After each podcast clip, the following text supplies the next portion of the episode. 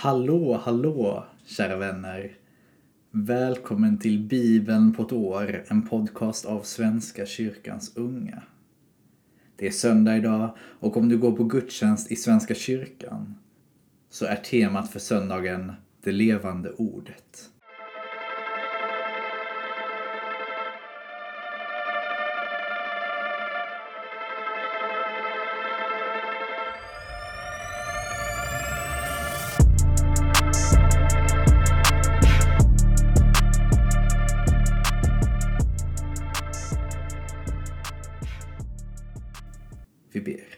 Tack Gud för denna söndag. Tack för Jesus. Tack för att du sände dig själv till att dö på ett kors för oss och uppstå för oss. För att vi ska kunna gå ända in i himlen och stå utan skuld. Tack Gud för att du är så stor, att du är större än vad vi någonsin kan tänka oss. Och tack för att du vill oss alla väl och älskar oss alla evinnerligt mycket. Jag ber för dagens läsning, för att du är med i den. Tack Gud. I Jesu namn. Amen. Vi börjar i tredje Mosebok, kapitel 9, vers 7 till kapitel 10, vers 20. Och Mose sade till Aron Träd fram till altaret och offra ditt syndoffer och brännoffer och bringa försoning åt dig själv och folket. Offra sedan folkets offer och bringa försoning åt dem, så som Herren har befallt. Då trädde Aron fram till altaret och slaktade sin syndofferkalv. Arons söner höll fram blodet åt honom och han doppade fingret i det och strök det på altarets horn. Men resten av blodet hällde han ut vid foten av altaret. Och syndoffrets fett, njurarna och stora leverloben brände han på altaret, så som Herren hade befallt Mose. Köttet och huden brände han upp utanför lägret. Sedan slaktade han brännofferdjuret. Arons söner räckte honom blodet och han stänkte det runt om på altaret. Och de räckte honom det styckade brännofferdjuret med dess huvud och han brände det på altaret. Vidare tvättade han inälvor och fötter och brände dem ovanpå brännoffret på altaret. Därefter förde han fram folkets offer. Han tog folkets syndofferbock, slaktade den och gav den som syndoffer, liksom det förra offerdjuret. Och han förde fram brännofferdjuren och offrade dem på föreskrivet sätt. Han bar fram matoffret, tog en handfull av det och brände det på altaret. Förutom morgondagens brännoffer. Som folkets gemenskapsoffer slaktade han tjuren och baggen.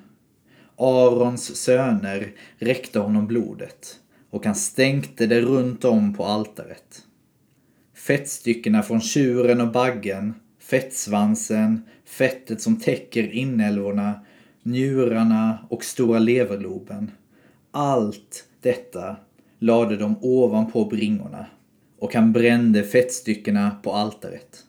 Men bringorna och det högra låret lyfte Aron upp till ett offer inför Herren, så som Mose hade befallt. Aron sträckte ut sina händer över folket och välsignade det. Sedan steg han ner efter att ha offrat syndoffret, brännoffret och gemenskapsoffret.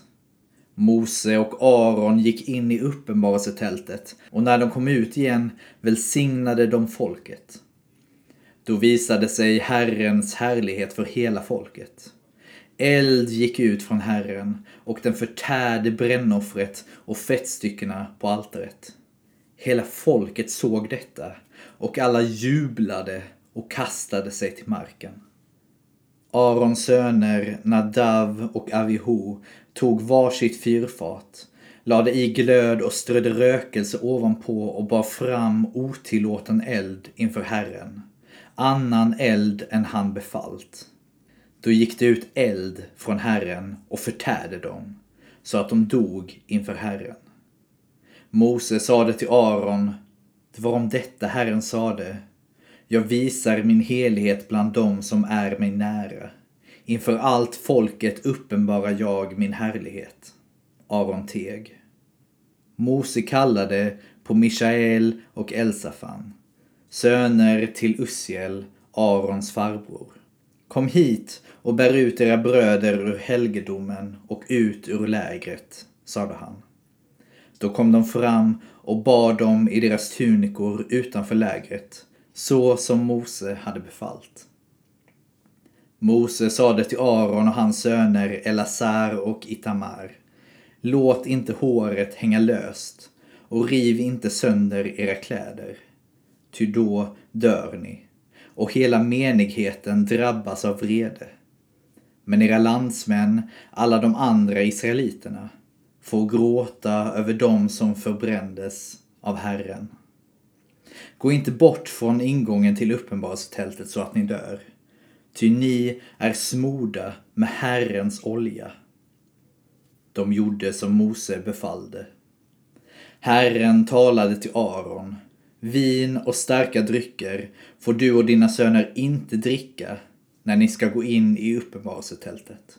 Ty då dör ni. Detta ska vara en oföränderlig stadga genom alla släktled, för att ni ska kunna skilja mellan heligt och icke-heligt, rent och orent, och undervisa israeliterna om alla de lagar som Herren har givit dem genom Mose. Mose sade till Aron och hans båda kvarlevande söner Elazar och Itamar. Hämta det matoffer som är kvar efter Herrens eldoffer och ät det osyrat nära altaret. Det är högheligt och ni ska äta det på helig plats. Det är din och dina söners andel av Herrens eldoffer. Så har jag blivit befalld. Bringan som har lyfts upp och låret som har skänkts till offer ska ni äta på en ren plats, du själv och dina söner och döttrar. Ty det har getts åt dig och dina söner som er andel av Israels gemenskapsoffer. Låret som skänks och bringan som lyfts upp till offer ska ni bära fram tillsammans med eldofferfettet och lyfta upp inför Herren. Det ska för all framtid vara din och dina söners andel, så som Herren har befallt. Mose letade efter syndofferbocken, men den var uppbränd. Då greps han av vrede mot Arons båda kvarlevande söner, Alazar och Kitamar. Varför har ni inte ätit syndoffret på helig plats? Det är ju högheligt. Herren gav det åt er för att ni skulle ta bort menighetens skuld och bringa försoning åt folket inför Herren. Dess blod bars inte in i helgedomen. Ni skulle ha ätit offerköttet på helig plats, så som jag har blivit befalld. Aron sade till Mose. De har idag burit fram sina syndoffer och brännoffer inför Herren, och ändå har detta drabbat mig. Om jag själv hade ätit syndoffret idag skulle det då ha varit efter Herrens vilja. När Mose hörde detta lät han sig nöja. Jag var hemskt att Nadav och Avihu dog. Men tänk vad, tänk vad, tänk vad galet ändå Herrens härlighet, Herrens helighet är så stor att vi kan inte vara för nära den. Vi fortsätter i Markus evangeliet kapitel 4, vers 26 till kapitel 5, vers 20. Och han, alltså Jesus, sade Med Guds rike är det som när en man har fått utsädet i jorden. Han sover och stiger upp. Dagar och nätter går och säden gror och växer. Han vet inte hur. Av sig själv bär jorden gröda, först strå, så ax, så moget vete i axet. Men när grödan är mogen låter han skäran gå, för skördetiden är inne. Och han sade, vad ska vi likna Guds rike vid? Vad ska vi använda för bild? Det är som ett senapskorn som är det minsta av alla frön här på jorden när man sår det. Men när det har såtts skjuter det upp och blir större än alla örter och får så stora grenar att himlens fåglar kan bygga bo i dess skugga. Med många sådana liknelser förkunnade han ordet för dem, så långt de nu kunde fatta det. Han talade bara i liknelser till dem. Men när han hade blivit ensam med lärjungarna förklarade han allt. På kvällen samma dag sade han till dem Låt oss fara över till andra sidan. De lämnade folket och tog honom med sig i båten som han satt i och andra båtar följde med. Då kom en häftig stormby och vågorna slog in i båten så att den var nära att fyllas. Själv låg han och sov i akten med huvudet på dynan. De väckte honom och sade Mästare, bryr du dig inte om att vi går under? Han vaknade och hutade åt vinden och sade till sjön Tig, håll tyst. Vinden lade sig och det blev alldeles lugnt och han sade till dem Varför är ni rädda? Har ni ännu ingen tro? Då greps de av stor fruktan och sade till varandra Vem är han? Till och med vinden och sjön lyder honom. De kom över till trakten av Gerasa på andra sidan sjön. När Jesus steg ur båten kom en man emot honom från gravarna. Han var besatt av en oren ande och hade sitt tillhåll bland gravarna. Inte ens med kedjor kunde man längre binda honom. Flera gånger hade han bundits till händer och fötter. Men han hade slitit av kedjorna och sprängt bojorna och ingen kunde få bukt med honom. Dag och natt höll han till bland gravarna eller uppe i bergen och skrek och sargade sig med stenar. När han nu på långt håll fick se Jesus sprang han fram och föll ner för honom och ropade högt. Vad har du med mig att göra, Jesus, du den högste Gudens son? Jag besvär dig vid Gud, plåga mig inte. Jesus hade nämligen just sagt åt honom Far ut ur mannen, du orena ande. Nu frågade han Vad heter du? Mannen svarade Legion heter jag för vi är många. Och han bad honom enträget att inte driva dem från trakten. Nu gick där en stor svinjord och betade på bergsluttningen. Andarna bad honom Skicka bort oss till svinen, så kan vi fara in i dem.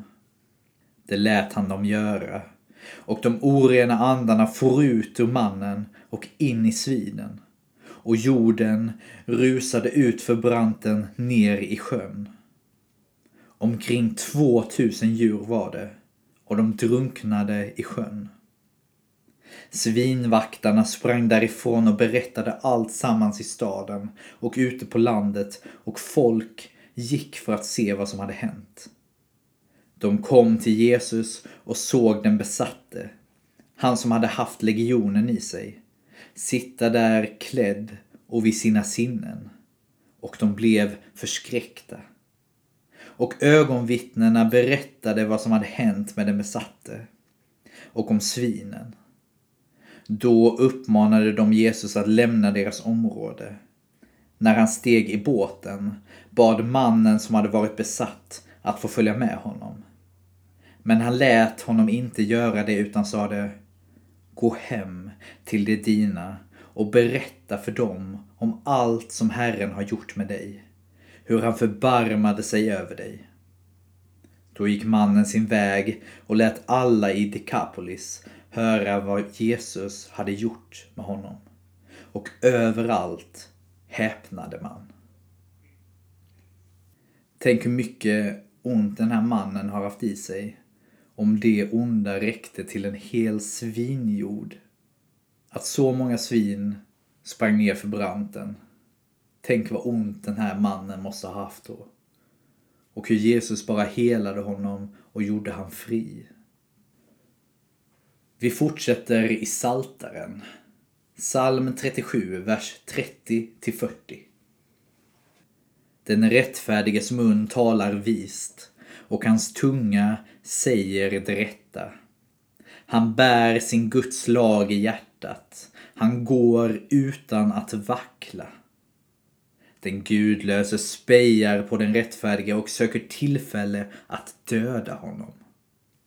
Herren ger honom inte i den gudlöses våld och låter honom inte bli fälld i rätten. Hoppas på Herren och följ hans väg. Han ska upphöja dig, du ska äga landet. När de gudlösa drivs bort får du se på. Jag såg en gudlös i hans kraft. Han stod hög som en ceder på Libanon. Jag gick förbi och han var borta.